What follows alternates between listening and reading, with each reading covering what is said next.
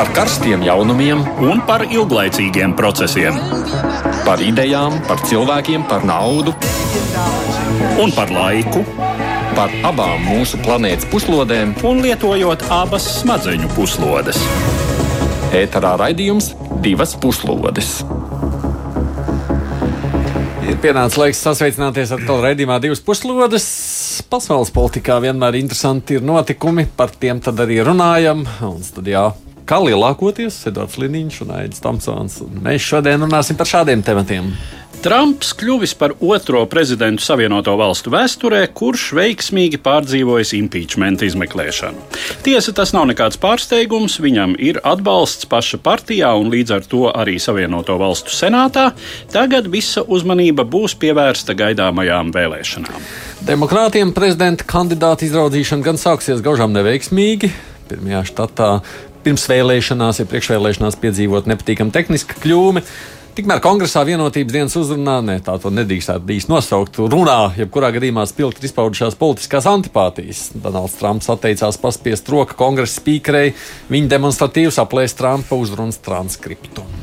Nu, nedaudz runāsim arī par Eiropu. Lielbritānija Eiropas Savienību ir pametusi un tiek uzsāktas sarunas par brīvās tirdzniecības līgumu. Taču jau pirms sarunām abas puses nav skopojušās ar stingru retoriku, skaidri atklājot, ka sarunas būs grūtas un neviena ne otra puse negrasās piekāpties. Studijā kopā ar mums ir kolēģis, žurnālists no izdevuma ir Pauls Rautseps. Labdien! Sveiki, Un es ceru, ka pievienosies arī ārpolitikas institūta pētnieks Alans Austers, kurš tuvojas šobrīd studijas durvīm. Bet mēs sāksim vēl ar dažām citām ziņām īsumā.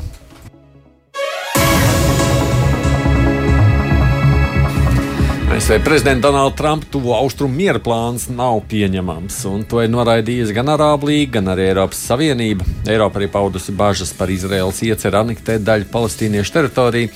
Paziņojumā Eiropas Savienības augstais ārlietu pārstāvis Žozeps Borelis uzsvēra bloka uzticību divu valstu atrisinājumam, kurā līdzās Izrēlē būtu neatkarīga, demokrātiska, viengabalaina, suverēna un dzīvotspējīga Palestīnas valsts. Tas ir citāts. Risinājumam jābalstās 1967. gada robežās, pieļaujot appusēji pieņemamu apmaiņu ar teritorijām. Kā norādīja Borelis, tad ASV iniciatīva ir novirzīšanās no šiem starptautiski akceptētajiem parametriem. Trumpa plāns mums lielā mērā saskar ar Netanjahu stingrā kursa nacionālas redzējumu par reģionu nākotni, bet palestīniešu galvenās prasības tajā ignorētas.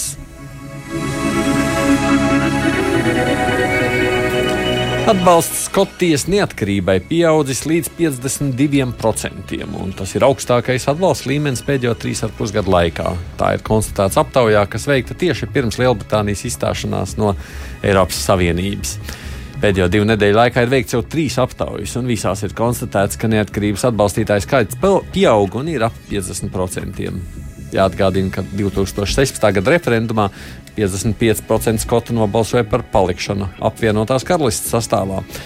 Kaut arī nacionālists apgalvoja, ka tas ir balsojums, kas tiek rīkots vienu reizi paudzes laikā, Skotu Nacionālā partija un tās līdere, Skotijas pirmā ministra Nikola Stēržena, tagad skaidro, ka līdz ar Brexit situācijai notikušas būtiskas izmaiņas. Viņas solīs ir aktivizēt cīņu par tiesībām rīkot vēl vienu neatkarības referendumu un piespiest Lielbritānijas premjerministru Boris Džonsonu, lai viņš oficiāli šādu referendumu rīkot atļauju. Džonsons līdz šim atļauju dot atteicies. 2021. gada maijā notiks Skotijas parlamenta vēlēšanas. Tas būs nākamais nopietnais pārbaudījums tam, cik liels Skotijas sabiedrībā patiešām ir atbalsts neatkarības idejai.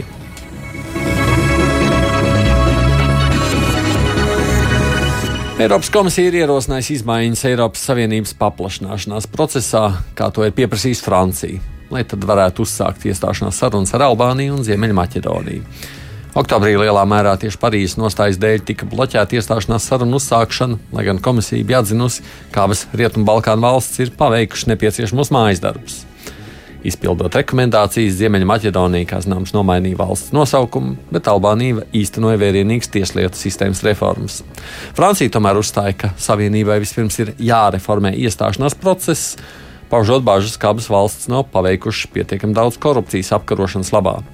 Viena no galvenajām Francijas prasībām ir noteikti, ka iestāšanās procesam jābūt atgriezeniskam. Ja kandidāta valsts atkāpjas no centieniem panākt savienības standarts, kāds pēdējo gadu laikā ir noticis ar Turciju.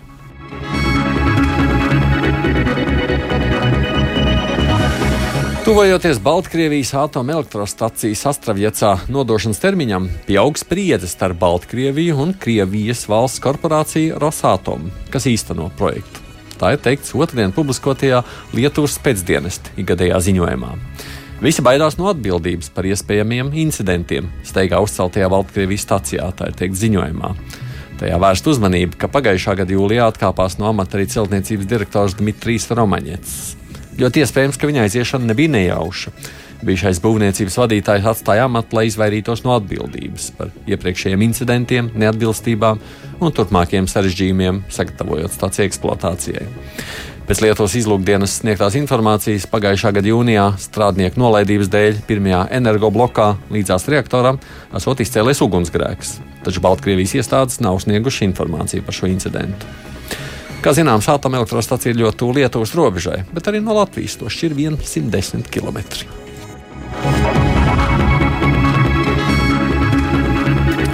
Šī zima daudz vietā Eiropā liks aizdomāties par globālās sasilšanas ietekmi. Austrumē Eiropa šķiet būs piedzīvojusi siltāko ziemu, jebkad reģistrēto novērojumu vēsturē. Arī mūsu kaimiņu valstis ir palikušas bez sniega un sala, pat Maskavā, kur janvārs nemēdz būt bez augstuma, tik silts nekad iepriekš nesot bijis. Savukārt Dienvidē Eiropa šodien piedzīvojusi vasarīgu tveici. Francijā termometrs stabiņš ēnā pakāpies līdz 26 grādiem. Līdzīgas temperatūras reģistrētas Itālijā. Savukārt Spānijā šajās dienās bijis plus 30 grādi, kas februāra sākumā ir kaut kas nepieredzēts. Cilvēki steidzās baudīt saules stars jūras un okeāna krastā. Tiesa, peldēšanai ūdens bijis pārāk vēss. Tagad gan lielais karstums jau atkāpies, un šobrīd temperatūra atgriezusies ir normas robežās.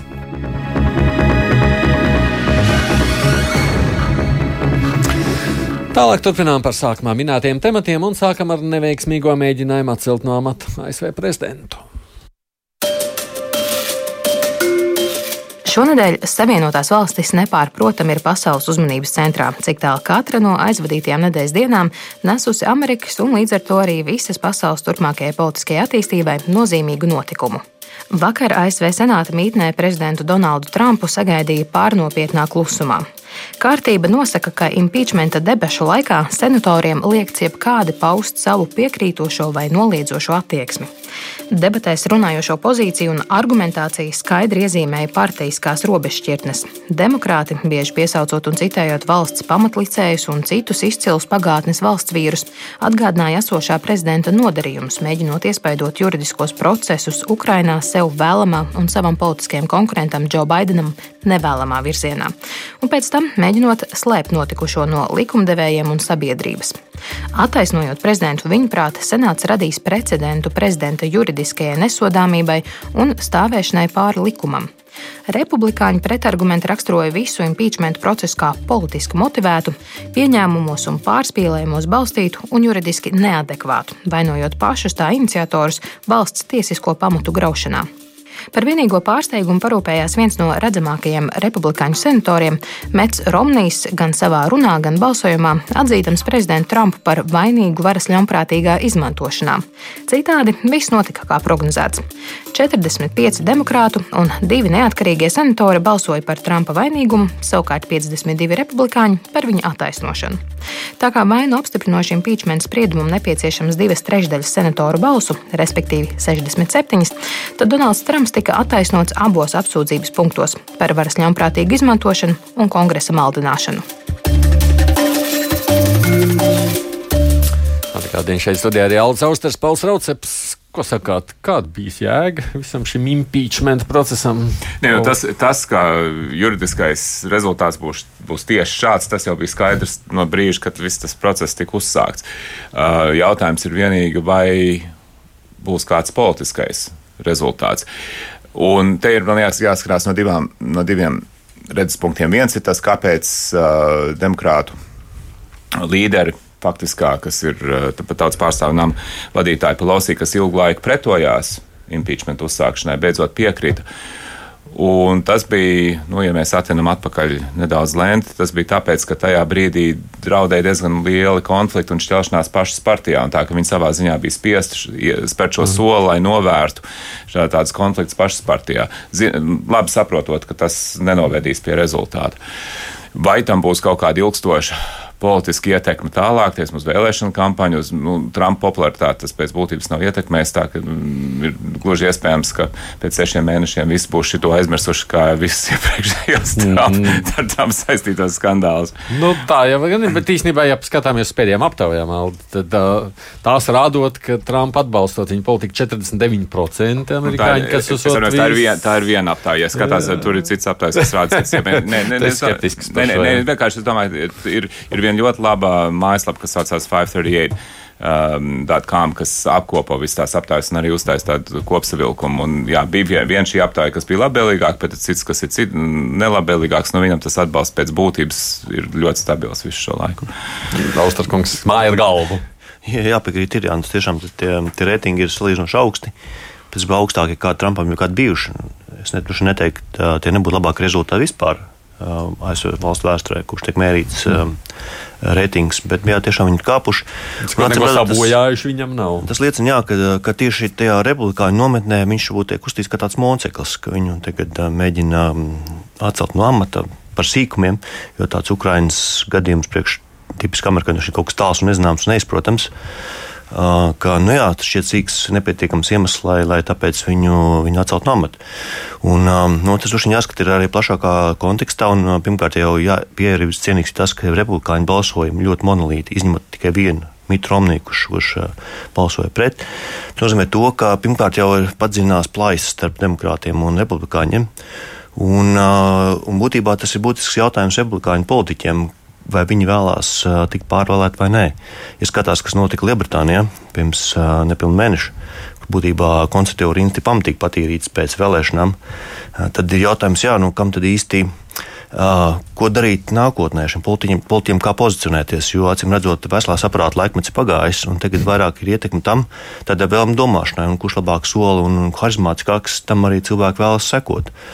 Un, jā, teiksim, šie republikāņi, nu jā, viņi šobrīd saliedējās ar Trumpu, jo Trumps, acīm redzot, ir pareizi izprats un iemieso šo laikmeta garu. Un, un jā, nu, tāpēc arī viņi balso balsoja pret impeachment. Un, un, acīm redzot, jā, tas, ir, tas ir saistīts ar vēlētāju attieksmēm.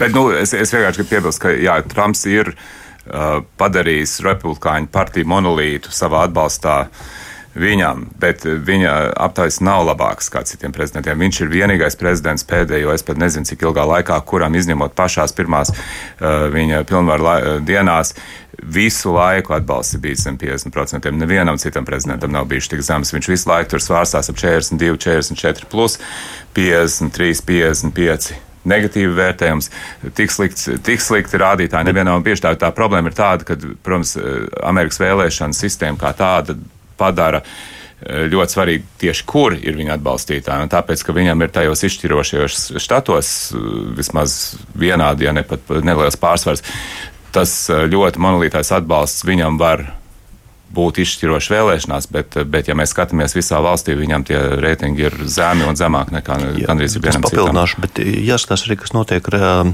to vēlētāju vidū, kas balso par republikāņiem. Tur viņa atbalsts ļoti augsts, mēs 94% bija. Jā, nu tā, tā un savukārt demokrātu pilnīgi pretēji, tur tikai 7%. Līdz ar to, jā, nu, tā šķirba, ja plājas ir būtiski pieaugusi, un tas nav labi priekš uh, Amerikas demokrātijas un valsts funkcionēšanas, protams. Jā, nu, tam var piekrist, jā.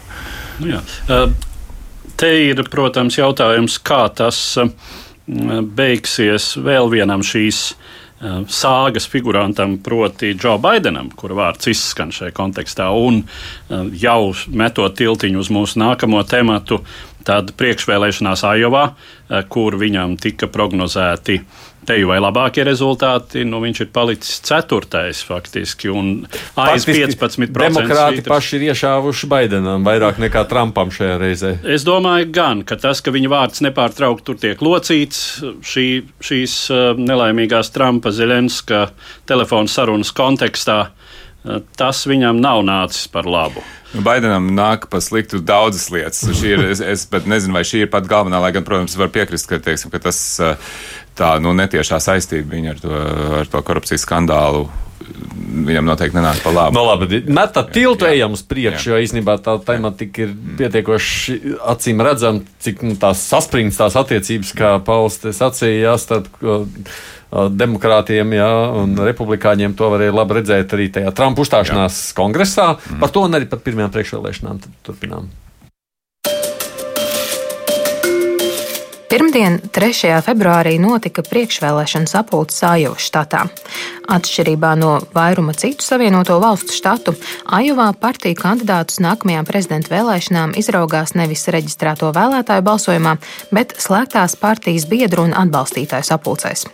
Priekšvēlēšana sapulce Sajovā tradicionāli iesāk partiju kandidātu sacensību Savienoto valstu štatos un, kā tiek uzsvērts, uzdod toni visai turpmākajai priekšvēlēšanu kampaņai. Ja republikāņu priekšvēlēšana sapulču rezultātu bija absolūti prognozējumi un izvirzīja par kandidātu esošo prezidentu Donaldu Trumpu, tad Demokrātu partijas sapulces radīja intrigu, kas joprojām nav atrisinājusies. Šobrīd, kad saņemt apmēram 97% priekšvēlēšana sapulču rezultātu, Ajovas demokrātiem joprojām ir divi favorīti bijušais mērs Pīts Buteģačs un senators Bernijs Sanders. Republikāņu aprindās šo situāciju jau nodēvējuši par hausu. Savukārt komentētāji atzīst, ka abi kandidāti personificē demokrātu vēlētāju prasību pēc pārmaiņām ierastajā politiskajā konjunktūrā. Savukārt otrdiena, 4. februāris, nāca ar ikgadējo Savienoto Valstu prezidentu uzrunu abu kongresa palātu kopsapulcē kopš pagājušā gadsimta 30. gadiem dēvētā par uzrunu par Savienības stāvokli - State of the Union. Kā jau ierasts, prezidenta Trumpa šī gada uzruna bija izcili iestudēts šovs, kuru pavadīja biežas un kaismīgas republikāņu frakcijas stāvvācijas un tikpat uzsvērta demokrātu frakcijas salta atturība. Runas saturā dominēja Amerikas atgūtās varenības motīvs, pamatots ar izciliem ekonomiskās izaugsmas rādītājiem, piesauktām militārajām un tehnoloģiskajām iespējām. Runājot par ārpolitiku, prezidents cita starpā pauda apņemšanos izvest amerikāņu spēkus no Afganistānas un apkarot sociālisma reliktus rietumu puslodē, atjaunojot sankcijas Kubai un atbalstot prezidenta Maduro pretiniekus Venecuēlā. Venecuēlas opozīcijas līderis un daudzu valstu atzītais likumīgais valsts galva Juans Gvaido starp citu bija klāt un tika sveikts ar ilgiem aplausiem. Runas noslēguma daļā orators paziņoja, ka Savienotās valstis apņēmušās īstenot pirmo cilvēku lidojumu uz Marsu.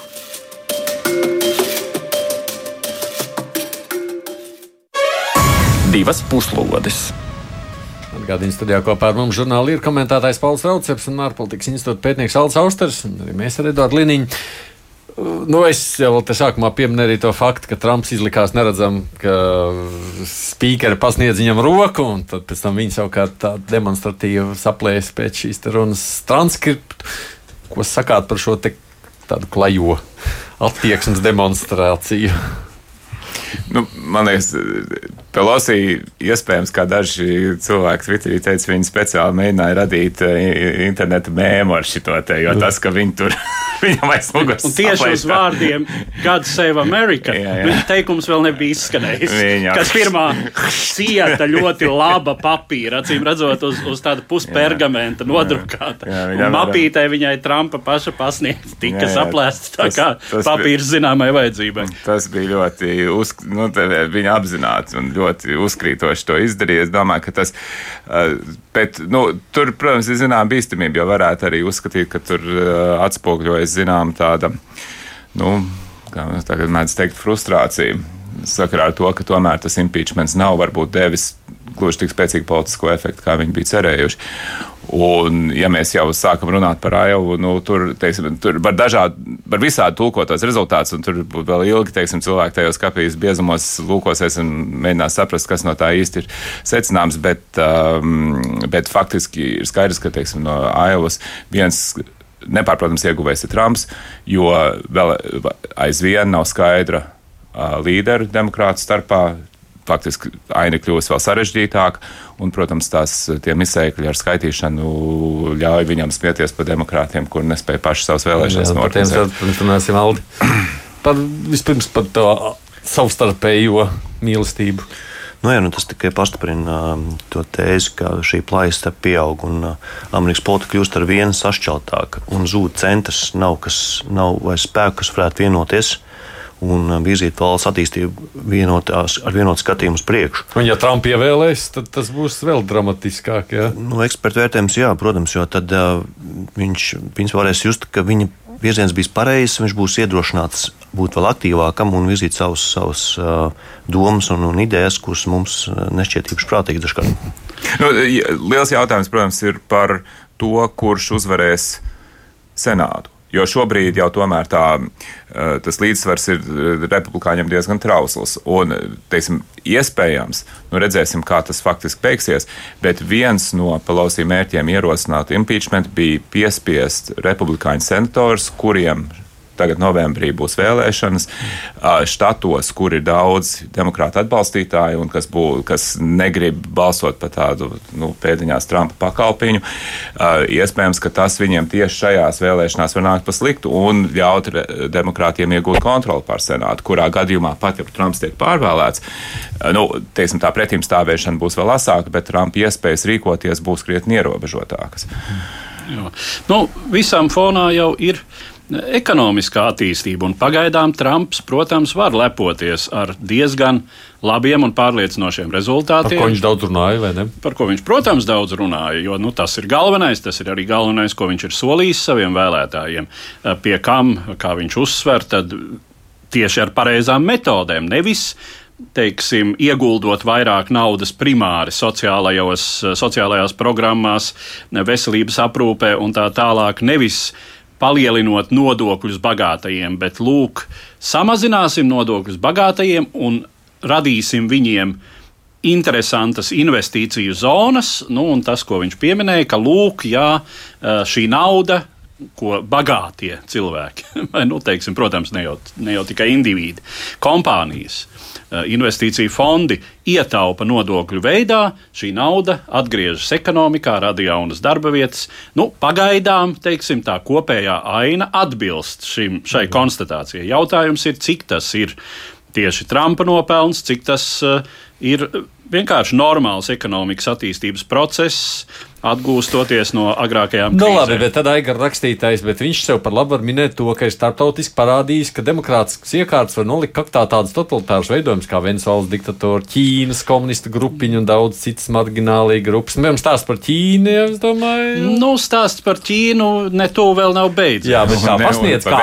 pasniedz, kā pasniedz, nu, par Venezuelu droši vien švekās. Par Venezuelu jau, nu, viņš jau arī neko īpaši daudz neplātījās. Viņš tikai teica, ka, nu, mēs, mēs turēsimies pretī, mēs atbalstīsim demokrātiju. Lūk, jums Gvaido kungs, viņš ir mūsu sabiedrotais, aplaudēsim viņam. Eh, par Ķīnu viņš teica, ka jā, par spīti tam, ka mums ir tirdzniecības karš, manas uh, attiecības ar priekšsēdētāju Ksī, prezidentu Ksī ir labākas nekā jebkad iepriekš, un tā tālāk. Tā kā, man liekas, tas būtiskais, viņš daudz, daudz uzmanības veltīja militāri politiskajiem procesiem un ASV iesaistēji Āzijā, Centrālā Azijā un tojos austrumos. Un tur tas galvenais akcents bija, mums nav jānodarbojas ar kārtības uzturēšanu svešās valstīs, un tāpēc no Afganistānas mēs aiziesim.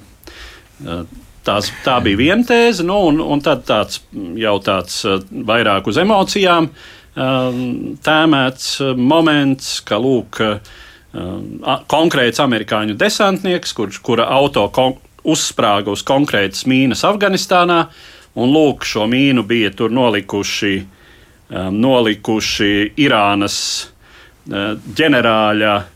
Um, Nu, jā, tā kur uzspēlēja.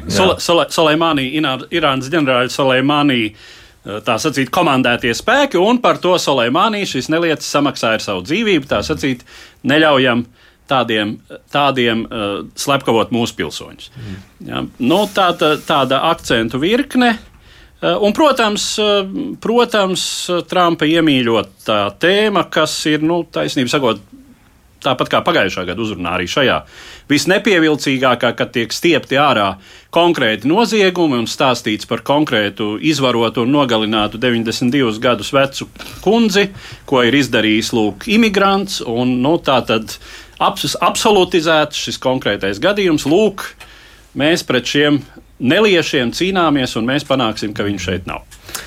Bet par demokrātiem runājot, tagad raksta, bet gandrīz visi demokrāti prezidenta amata kandidāti tik stipri gados. Kas tad tur notiek ar mm, politiķu? Mm, nav, nav, nav, nav, nav, nē, nu tie, tie, tas pats būtu džečs, taču. Jā, viņam ir 37 gadi. varbūt tāpēc varēja. viņš arī beigās uzvarēja. Nu, es domāju, ka ir uh, daudzi, kuri skatās uz Baidenu, un tāpēc Edvardam nedaudz iebildu par to impeachment, jo tur Baidenam ir daudz trūkumu. Ja, teiksim, viens ir tas, nu, tā saistība ar šo Ukrainas korupcijas skandālu, bet tas fakts ir tāds, ka viņš ir vecs. Viņš, teiksim, ja viņš vēl pirms 5, 10, 15 gadiem atstāja tādu diezgan vitālu un, un, es domāju, arī tādu labestīgu un draudzīgu iespēju, viņš pēdējā laikā ir kļuvis diezgan nīgrs, bieži pārsakās. Tas viņam arī gan nav nekāds jaunums, bet tas notiek, notiek biežāk nekā agrāk. Man liekas, ka ļoti daudz cilvēku ir satraukti, ka ja viņu nostādīs pretī Trumpam debatēs, kad viņš nespēs tikt galā ar šo situāciju. Tāpēc meklē visu laiku kaut kādas citas alternatīvas. Un, un viņam um, man liekas, gāja slikti, tāpēc, ka viņa tajā, nu, ja mēs nosacītu sadalām demokrātu partiju vairāk tādās no kreisajā un centriskajā spārnā, tad ir viņam konkurentējā centriskajā spārnā, kas varētu likties pievilcīgāk cilvēkiem. Bet, um, kā Trumps teica, tas ir to grūto uzvārdu. Viņam, kas tad viņa, viņam ir tas viņa pluss? Um, nu, Kāpēc jā. viņš? Tā situācija šķiet diezgan sarežģīta un jāskatās plašākā kontekstā, ka ne tikai Amerikā ir problēmas sociāldemokrātiem, arī Eiropā daudzās demokrātijās gan sociālisti, gan sociāldemokrāti vai leiboristi Lielbritānijā mm -hmm. spēcīgi zaudē savas pozīcijas. Un tas ir tāds laikmets, kurā vairs nav priekšplānā nav jautājumu par sociālo nevienlīdzību, bet jautājumu par identitāti. Un, un šādam teiksim, sabiedrības strāvojumam, domu strāvojumam, demokrātiem grūti pie, pieskaņoties. Tā nav viņu tēma. Viņi nav nejūtas ērti par šo tēmu runāt. Jo tas prasa nošķirt cilvēku, šķirot, kurš pieder, kurš nepieder un, un tam līdzīgi. Un, un tāpēc nu, viņiem nav spēcīgi līderi. Ja, arī Benijs Sanders, nu, viņš pēc būtības sociālists. Um, tas pats, kas Lielbritānijas gadījumā bija Jeremijs Korbins. Nu, ne tik radikāls kā Korbins. Nu, jā, bet, bet vienalga, nu, priekš Amerikas jau tā, tā relatīvi skatās, nu, jā. ir diezgan uh, radikāli. Un, nu, jā, nu, arī teiksim, tāda izvēle vai nu Trumps Eh, vai, vai kaut kas tuvu sociālajai revolūcijai. Tāpat tās, ka Lielbritānija bija jāizvēlas starp Brexit vai starp sociālo revolūciju. Un daudz cilvēku izvēlējās tieši Brexit, kā mazāko ļaunumu. Nu, nu, es, es, ne, es arī nepārspīlētu teiksim, to Vorens mm, un Sanders uh, radikālismu šajā. Es domāju, Korbins noteikti ir radikālāks par viņiem un daudz tās lietas, ko, ko Voren un Sanders, kas ir pārstāvuši to kreisāko spānu. Ja skatās aptaujās, cilvēki to atbalsta. Viņi saka, vajag lielākas nodokļus uzlikt bagātajiem. Tur ir milzīgs atbalsts arī starp republikāņiem šādai politikai, ka vajag visiem nodrošināt veselības aprūpi. To arī atbalsta. Tas jautājums par to, kā viņi to vēlas ieviest, un arī zināmā mērā, teiksim, kas ir viņu. Um, nu, tā retorika un tas, kā viņi sevi pasniedz, protams, ir tādiem cilvēkiem, kas pēc dabas vēlas būt kaut kur tā centrā. Nu, viņi varbūt uzskata, ka tas ir drusku mm. pat tālu, bet nu, katrā ziņā tā, tas, tas saturs varbūt nav nemaz, sevišķi no Eiropas viedokļa skatoties. Nu, mēs taču pieņemam, ka valsts nodrošina visiem veselības aprūpi. Tas Amerikā skaitās ar šausmīgi radikāls tāds kaut kāds jaunieviesums. Bet, bet, jā, bet tas ir tā, ka es negribētu pārspīlēt šo, bet katrā ziņā tā tas vienkārši tas fakts, kā tāds, kas, ka Sanders sevi pozicionē kā sociālists tas pats par sevi Amerikā uzreiz ir burtiski sarkanais karoks, uh, kur, kurš liks daudziem cilvēkiem no viņa atturēties. Un, un tāpēc tas būtīdžets izrādās kā tāds. Jā, kā tāds. Nu, varētu būt kā cerība, jo, ja skatās, teiksim, kādu politiķu uzvaru vēlēšanās, nu, tad jā, Eiropas piemērs, Francijas piemērs ir ļoti labs. Emmanuels Makrons tomēr iemieso tādu salīdzinoši jaunu harizmātisku personību, kas spēja radīt vīzijas. Jo šobrīd jau nav svarīgi reāli darbi, šobrīd svarīgi radīt vīzijas, kas cilvēks aizrauj. Nu, man liekas, Amerikas demokrātiem tā līdera vēl trūkst. Mm. Varbūt Pīs Butičs būs tāds, bet, bet nu, tu, Jā, es par to nevaru spriest. Pīta Butičs galvenais. Galvenā problēma ir tā, ka viņš ir salīdzinoši jauns un mazpazīstams. Un, mm. un tas homoseksuālisms tur nespēlē lomu nu, tā, tā, sabiedrībā. Nē, nu, tas faktiski ir viens no vislielākiem pārsteigumiem šajā Ajovā, ka cilvēks, kurš ir atklāti gejs, kurš ir precējies ar savu draugu, ka viņš var tādā vidienas lauksaimnieciskā štatā, kā Ailva, ja, kas nu, ir. Nu, Redneku. Jā, nu, jā, jā nu, teiksim, kas, nu, kur, kur vēl konservatīvāks un teiksim, tā tālāk pēc savas būtības, ka viņš tur var uzvarēt. Nu, tas, ir, tas liek domāt, ka varbūt lielai daļai amerikāņu tas vairs nav svarīgi. Mm. Nu, uzvarēt tas ir tā. Viņš nu, ir saņēmis apmēram 25% nu, jā, jā, no demokrāta, vis, visvairāk no, jā, no demokrāta elektorāta balsīm. Bet, nu, tomēr, bet acīm redzot, bet, bet ir jāatceras arī, ka šie cilvēki ļoti daudz no viņiem gāja uz šiem, nu, tā, tām priekšvēlēšanu tikšanās reizēm ar tikai vienu jautājumu, kuru mēs varam atbalstīt, kas var uzvarēt Trumpu. Tas bija daudziem no viņiem pats svarīgākais jautājums. Tā, ja viņu, ja viņi, ja viņu izvēle krit uz Budaģaģu, tas nozīmē, ka viņi arī tā kā rēķina, ka citi cilvēki arī varētu. Pabeidzot, jo mēs vēl par Eiropu jārunā, tās tehniskās ķibeles, kas tur pavadīja šīs priekšvēlēšanas, es saprotu, joprojām ir laikam pilnīgi galīga rezultāta nav zinām, no jau pāris dienas pagājuši. Tās ir būtisks, par ko Trumps tur izsaka paudās aktīvi, sekot, ka redz, kāda viņa nu, tur, tur sanāk kopā divas lietas. Viena lieta ir tā, ka objektīvi šajā štatā tas, vēlē, tas balsošanas process ir šausmīgi sarežģīts. Cilvēki savā iecirknī aiziet uz, teiksim, kādu sporta zāli. Viņi tad nostājas katrs savā stūrī atbilstoši tam, kur kandidātu viņi atbalsta. Tiem, kuriem ir mazāk par 15%, tiem atkal jāaiziet pie kādiem citiem. Un tad sāk notiek, notiek tā aktīva tirgošanās. Nāciet pie mums vai nāciet pie mums. Tad viņus atkal saskaita tad tiek sadalīti kaut kādi tādi nosacītie delegāti uz eh, štata kongresu, kas nav atbilstoši tieši tam dalībnieku skaitam, bet jau piešķirto delegātu skaitam tam iecirknim un tā tālāk un tā joprojām. Tur kaut kā tehnika kaut ko nesaskaita. Jā, nu jā, tā kā var sakot, tas, tas process ir šausmīgi sarežģīts un viņi bija pasūtījuši aplikāciju, kas ne tā aplikācija tik galā, ne arī tie pusmūža cilvēki, kuriem tā bija lejuplā, jā, jā, lejuplādā arī acīm redzot netika kārtībā un tas viss, nu, tas viss sagāja viņiem grīstē un tas, tas protams, ir liels mīnus, jo, jo nu, par šito te republikāņu varēs par viņiem iesmiet vēl ilgi. Jā, nu, jā lai gan objektīvi tiešām uh, es trīs reizes lasīju cauri to aprakstu, lai saprastu, kā vispār notiek. Bet, nu, Pauls man vienalga mazliet apskaidroja. Jā, vienkārši es tā kā atvēru vaļā tur CNN vai Amerikas kanālus šajās pēdējās pāris dienās, viņi tur paši viesīgi par to cep pies. Man jau liekas, nu labi, ja mums tehniski ķībeli vai tik šausmīgi tur vajadzētu sacīt, ka tas nu, varētu ietekmēt ASV prezidenta vēlēšanu rezultātus. Nu, vi, visi demokrāti, kas ir uzvarējuši pēdējos, tagad jau 40 gados, ir sākuši to, kad viņi uzvarēja Aivā. Mm -hmm. Kārters, Klintons, Obama. Visi no viņiem arī, starp citu, bija tādi, kur tad, kad viņi sāka savu kampaņu, neviens neuzskatīja, ka viņi ir nopietni ņemami. Ja, un tieši tā uzvara Aivā palīdzēja viņiem uh, kļūt par partijas kandidātu. Tā ka līdz ar to vēsturiski Ajovai ir bijusi ļoti liela nozīme, un tāpēc tā cepšanās ir zināmā mērā saprotama. Nu, to, kas notiks ar būtību, vai viņš būs, jā, to mēs no, es, saprotam. Varēs kaut ko nojaust jā, pēc nākošajām priekšvēlēšanām. Nu, tas tas izšķirošais laikam būs 3. martā, kad, kad 11 štāti tur vienā, vienā dienā tur viss rīko šīs priekšvēlēšanas. Mums ir jāatgriežas raidījumos ne, raidījumā vēl tepat notikumos Eiropā. Tāpēc turpinām tagad ar vēl vienu tēmatu.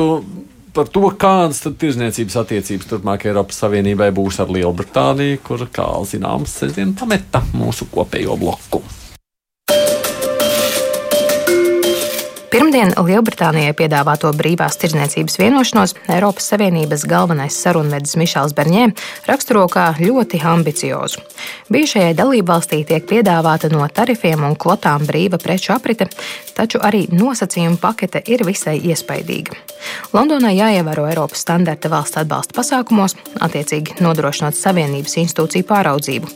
Tāpat jāievēro Savienības normas vides un strādājošo tiesību aizsardzībā. Nozīmīga loma tālākajā attiecību regulēšanā būtu Eiropas Savienības tiesai, kuru Lielbritānijas breksiteri allaži uzlūkojuši kā vienu no galvenajiem Briseles diktāta instrumentiem. Reakcija šo piedāvājumu bija premjerministra Borisa Džonsona pirmdien teiktā runa, kuru daudz uzlūko kā taktisku demonstrāciju. Uzstādamies Grīničas vecās Karaliskās jūras koledžas barokāli majestātiskajās telpās aiz katedras, kuru rotāja uzraksts Lielbritānijas potenciāli atraisot, premjerministrs paziņoja, ka negrasās pakļauties Briseles uzstādītajiem noteikumiem. Sarunu neizdošanās gadījumā viņš teica, ka Lielbritānija šī gada beigās, noslēdzoties pārejas periodam, varētu turpināt tirzniecības attiecības ar Savienību uz Austrālijas nosacījumiem. Otra versija esot balstīties esošajā vienošanā par izstāšanos.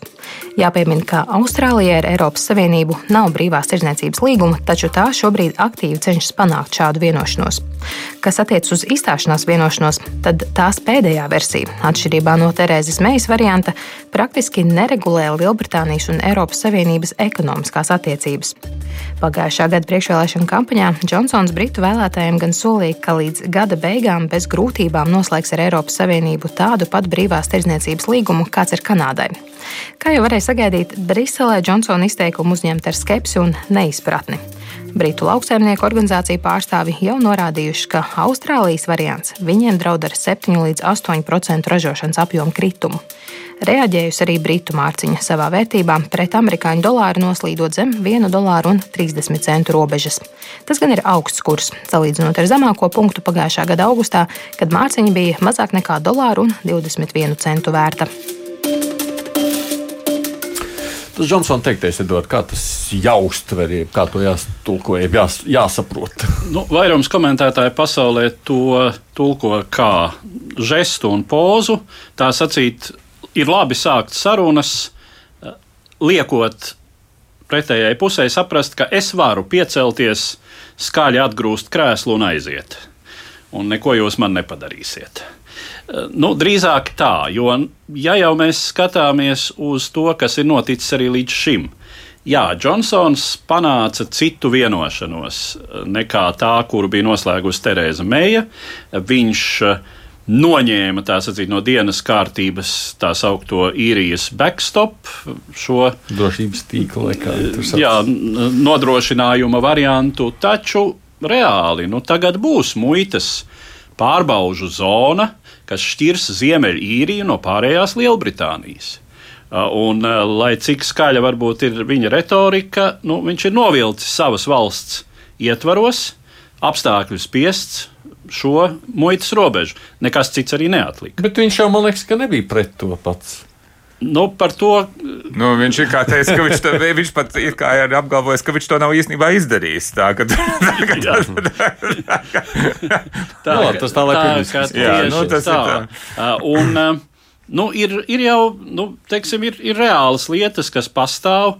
Un ar kurām ir jārēķinās, un arī Džonsonam ar to nāksies, acīm redzot, rēķināties. Jo um, nu, šis Austrālijas variants, Uh, jā, bet Austrālija atrodas pretējā planētas pusē.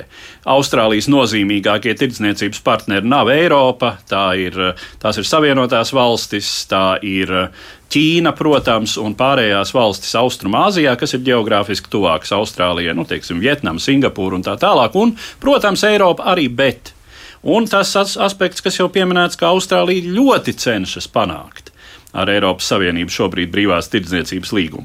Tā kā pateikt, mēs dzīvosim šeit, līdzās Eiropai, tā kā dzīvo Austrālija eh, starp Indijas un Kluso okeānu. Ja, nu, tas ir apmēram tāpat kā pateikt, kā mums būs Antarktīdas temperatūra iespējams nākamgad. Ja? Nu, labi, tur vēl ir Kanāda. Kanāda arī kā otrs variants minētais. Nu jā, Eiropas Savienība ir vienošanās ar Kanādu. Jā saucamais paplašinātās brīvās tirdzniecības līgums, kas ietver ne tikai tirdzniecības jautājumus, bet arī valsts pasūtījuma, standartu saskaņošanas un daudz citus aspektus, kas šķiet Džonsonam ir par daudz. Viņš vēlas mazāk intensīvas vai mazāk cieši attiecības ar Eiropas Savienību. Tas, protams, izklausās dīvaini, bet nu, jā, es piekrītu Leniņa kungam, ka būtībā tā ir šobrīd tāda pozicionēšanās pirms sarunām, tāda poza veidošana. Um, un, jā, bet, bet jāsaprot tas, ka šajā sarunā dinamika būs mazliet savādāka nekā izstāšanās sarunu laikā. Jo tad, kad Lielbritānija veids sarunas par izstāšanos, tad viņai kaut ko vajadzēja no Eiropas Savienības izstāties bez saržģījumiem. Tagad patiesībā šķiet, nevajadzētu pārvērtēt Lielbritānijas vēlmi uzturēt ciešas attiecības ar Eiropas Savienību. Šķiet, ka nu, Džonsons vēlas tomēr to kuģi griezt projām no, no šīm intensīvām attiecībām. Un šeit Eiropas Savienība nedrīkstētu pareiķināties uz šo.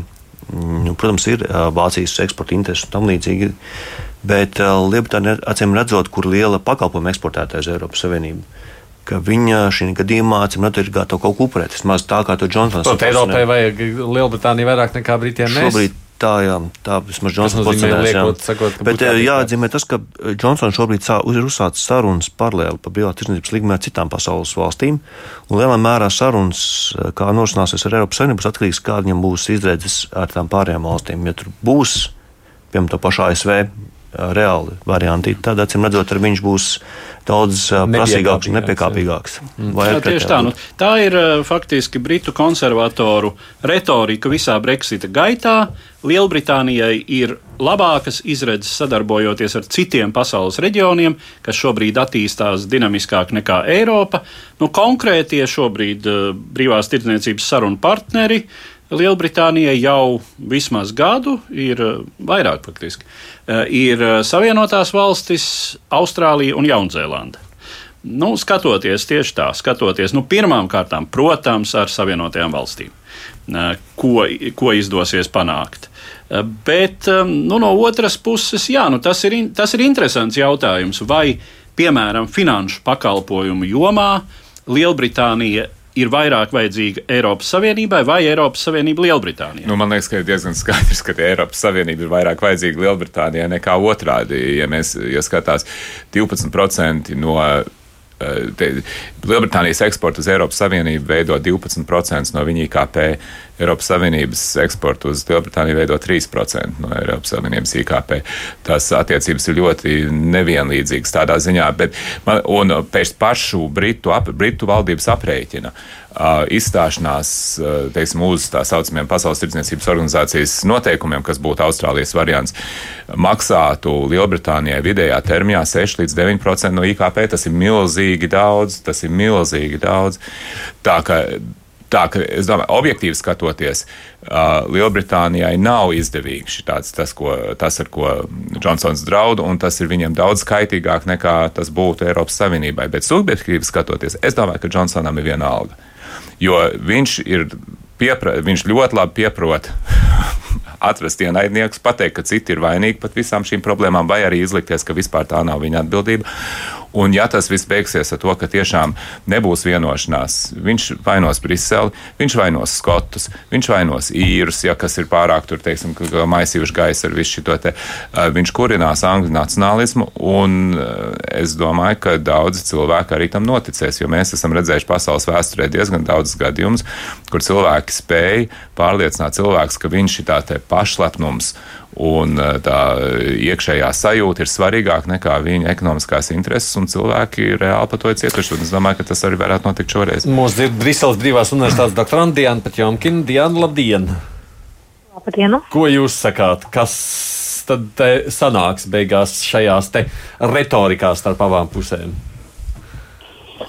Jā, nu, pirmais mums būs jāgaida visdrīzāk vairāk gada, lai kaut kas sanāktu, jo mm, teiksim, tas mērķis panākt tirzniecības vienošanās līdz šī gada beigām.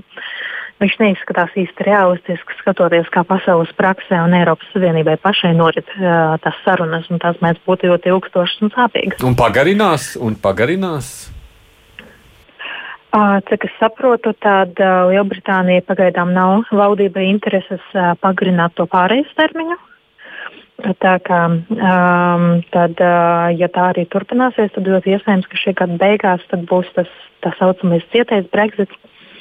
Un uh, tad tās tirsniecības sarunas turpināsies ar citām pasaules valstīm.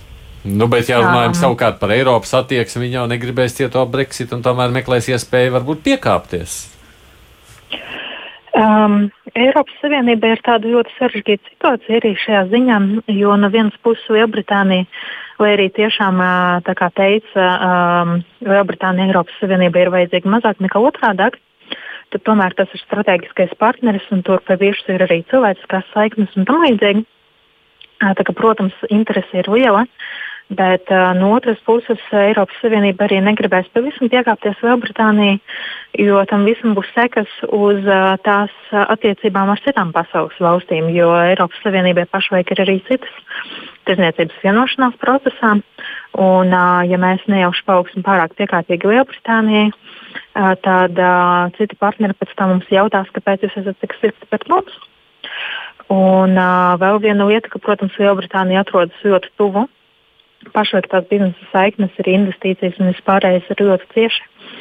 Un, um, teiksim, Eiropas Savienības interesēs nav, uh, lai uz tās robežas uh, ciešā tuvumā izveidotos um, teiksim, uh, ļoti liela ekonomika, kas nodarbojas ar dempingu, pazeminot savus standartus darba aizsardzības jomā vai tam līdzīgi. Tā kā jūs prognozējat, ko tas var beigties tādā ziņā, gada beigās līgumu noslēgt nevar paspēt. Uh, Eiropa līdz galam nevar piekāpties, un Briti arī negrasās pagarināt termiņu. Būs tiešām cietais Brexits. Uh, es gribētu ticēt, ka nē, bet es nevaru iesvērt to iespēju. Es domāju, ka kopumā tomēr abam, abām pusēm vajadzētu mēģināt kaut kā iziet uz um, kaut kāda veida teiksim, īstermiņa vienošanos, kamēr tās sarunas turpinās, vai cietais Brexits nebūtu. Bet nu, teiksim, pašlaik Lielbritānijas valdības pozīcija galīgi nav konstruktīva. Mm, paldies, Diana Pačomkina, Briseles Brīvās Universitātes doktoranti. Mm, man šis vajadzētu, neko nepalīdz. Es gribu zināt, kā būs.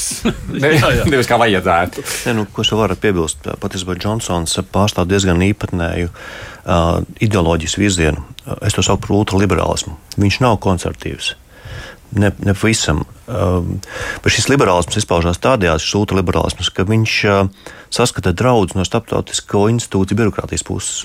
Uh, un šī domāšana līdzīga arī Naižam Farāžam, ka viņi starptautiskās institūcijās saskata birokrātiju, kas ierobežo valstu attīstību. Uh, ka vajag atbrīvoties no, šo, no šī jūga, lai valsts pašas var brīvā konkurencē nu, tirgoties un attīstīties. Un kas no tā tagad ir? Nu, tas, tas var nozīmēt, tas vienkārši izskaidro to, kāpēc ir šī pretestība Eiropas Savienības tiesas jurisdikcijai un arī harmonizācijai, kas nāk viņu no Briseles puses. Mm, um, Bet, protams, jā, nu, tas ir liels izaicinājums. Un, un, un jautājums ir, kā arī Džonsons tagad stūrēs tālāk Lielbritānijas ekonomiku. Jo jāsaprot, to, ka viņš šobrīd ir atbrīvojies diezgan brīvs rīkoties, izmantot valsts investīciju programmas, aizņemoties naudu iespējams un uh, stimulēt ekonomiku, ieguldīt uh, jaunās tehnoloģijās un, un, un tam līdzīgi. Bet man interesē Eiropas nostāja. Jo atceramies, tad, kad savulaik Terēza Meita tur mēģināja panākt, un nekas viņai neizdevās, tad tas Eiropas Savienības sacītais bija: piedodiet, tur nekādas atkāpšanās nav, vai nu šīs līgums, vai nekas. Nāca Džonsons, un tomēr tā atkāpšanās bija paši tikko pieminējām. Jā, bet Džonsons piekāpās. no, no, no, no, nezinu, Džonsons piekāpās. Nē, nu, abas puses. Nē, nē, Džonsons piekāpās, jo, jo tas jautājums pat tas būtiskais jautājums bija par to īrijas robežu, Jā. un Meija nebija gatava tur novilkt šo robežu starp Ziemeļīriju un pārējo Lielbritāniju, un Džonsons bija gatavs to izdarīt, un teikt, ka viņš to nav izdarījis. Sakot, ka līdz ar to Eiropa paliks strikti, sakot, nu, līdz zināmai robežai, un tur, nu, nē, nekādā gadījumā. Ne, nu, protams, ka Eiropa diezgan strikti ieturēs savus robežas. Te gan būs jautājums par to, no kādām komponentēm veidosies šī Eiropas Savienības pozīcija. Un te ir jāsaka, ka ir krasi atšķirīga interese par Lielbritāniju un eh, krasi atšķirīgas intereses Lielbritānijā tām valstīm, kas ir Lielbritānijai tuvāk, un tām, kas ir tālāk. Un, teiksim, nu, Latvijai, piemēram, absolūti nespiež tas, vai franču zvejnieki varēs uh, zvejot sardīnas pie uh, Lielbritānijas dienvidu krastiem. Līdz ar to, teiksim, daudzas Eiropas valstis daudzos jautājumos būtu gatavas droši vien Lielbritānijai piekāpties. Tā kā, protams, tas būs uh, ļoti sarežģīts un interesants process, kā Eh, veidosies šī Eiropas Savienības kopējā nostāja. Bet... Nu, Latvija noteikti pēc principa, nu, kā vairākums tā mēs. nu, nu, nu, droši, būt, uh, droši vien, ka Parastā jā, un, eh, un, un es tā gribētu domāt, ka Latvija šai procesā, teiksim, neaizmirsīs gluži par savām saskaņotām ar Eiropu, bet tomēr savām nacionālām interesēm.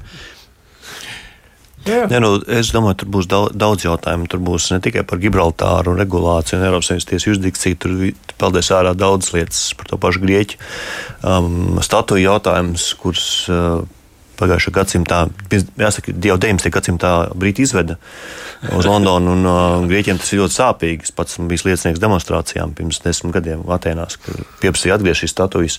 Nu, arī tas jautājums tiks izpeldēs, un daudz citi. Jā, tas, tas sarunas nebūs vieglas, jo tā ir tiešām tirgošanās, uh, tirgošanās par, par, par, naudas, par naudu būtībā. Un, un tas bet, bet, process tad tiks pagarināts vai nē? Beigās? Nu, tas domāju, nu, nu, Džonsons ir tik bieži teicis, ka nē, nu, viņš, protams, ir meistars šādā ziņā, teiksim, pateikt, iemeslu, teikt vienu un tad izdarīt kaut ko citu. Bet tas, bet tas būtiskākais klupšanas akmens, nu, tur, protams, tas, tas, tas sarunas būs ļoti sarežģīts un ir ļoti daudz dažādu jautājumu, bet tas, tas būtiskākais ir jautājums par vienādiem šiem standartiem.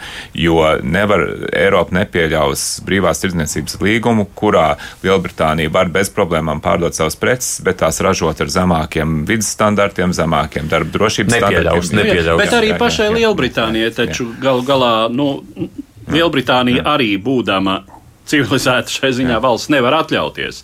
Uh, un Džonsons jau arī ir teicis, ka viņš, Jā, ka viņš negrasās. Tas nozīmē, ka retorika būs tāda. Mēs īstenībā jau tiks ievērots tikai publiski nu, sacīts, redz, ka mums ir nē, nu, savi labāki. Nē, nu redz, bet, bet lai uh, Eiropa tā nekad nav izdarījusi, un es domāju, ka viņi arī šoreiz tā nedarīs, ka, ka paļausies uz solījumiem. Mēs jau, te, mēs jau ievērosim, uzticieties mums. Pirmkārt, Džonsonam neviens neusticās, un otrkārt, ar šveiciešiem šis ir, ir bijuši ļoti garas un mokošas sarunas tieši par šo pašu.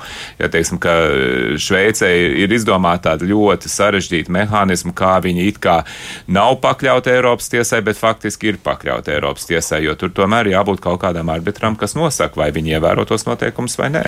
Ja, nu, Instants bija raksts uh, Economist, un tu patiesībā atcelt lielu jautājumu zīmi. Jo, minot trīs, divus skaidrus, divus gadus bija 45. gads pēc otrā pasaules kara un 79. gads, kad Lielbritānija restartēja sevi. Un būtībā radīja jaunus, jaunu piemēru pasaulē. 45. gadā tā bija labklājības valsts, savukārt 79. gadā tā bija tas saucamais pārējai uz neoliberālismu. Teiksim, to, tās doktrīnas, ar kādu mēs dzīvojam šodien, un kuras savā ziņā noriet. Un jautājums ir no Dikānas puses, vai šis nākamais gads būs jauns pavērsiens, kurā Lielbritānija restartēs sevi uz daudz liberālākas platformas, um, teiksim, mazāk teiksim, sajūta starptautiskajām institūcijām, vai tas dos um, labumu pašai Lielbritānijai un pasaulē. Nu, tāpēc ir būtisks jautājums arī, no kā būs atkarīga saruna dinamika starp Lielbritāniju un Eiropas Savienību, kā Džonsons vadīs ekonomiku, kāda būs viņa programma. Šobrīd tikai varam runāt par dažiem ieskicējumiem, um, bet, bet jā, nu, teiksim, viņam ir šis uzdevums jārisina jau šodien. Viņam jānāk ar redzējumiem, kā, kas tālāk notiks Lielbritānijā, un, un, un tas arī būs liels jautājums.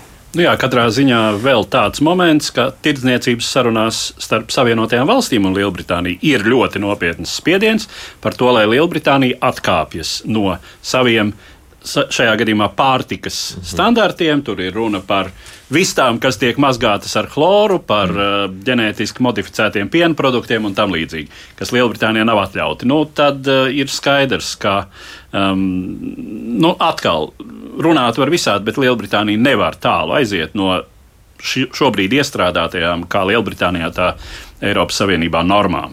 Un arī, un arī veselības aprūpas sistēmas privatizācijas, kas arī ir, mm. cik var saprast, arī šis sarunas temats starp Ameriku un mm. Lielbritāniju. Jā. No Eiropas Savienībā jau arī jautājums par līgumu noslēgšanu ar Amerikas Savienotām valstīm tūlītās būs mūsu nākošo raidījumu droši vien temats, par ko mums mm. nāksies runāt. Jā. Un es varu iedomāties vismaz no Latvijas viedokļa puses, ja mēs sāksim runāt par ģenētiski modificēto pārtiku, kas paredzu, kas darīsies mūsu klausītāju listē vērtē un zvanos, ko mēs saņemsim šeit. Paldies, ka atnācāt. Žurnāli ir komentētājs Pauls Rauceps un ārpolitikas institūta pētnieks Aldis Austers. Jums viss labi veicas, Edvards Liniņš, kā parasti kopā Paldies. ar mums, arī es Aits Tamsons, producēja jau Zeiza. Nu, mēs, kā parasti, tiksimies atkal pēc nedēļas. Nu, droši vien varbūt šoreiz bez manis. Bet nākamais raidījums skanēs, lūkojoties, kas notiek pasaulē. Divas puslodes!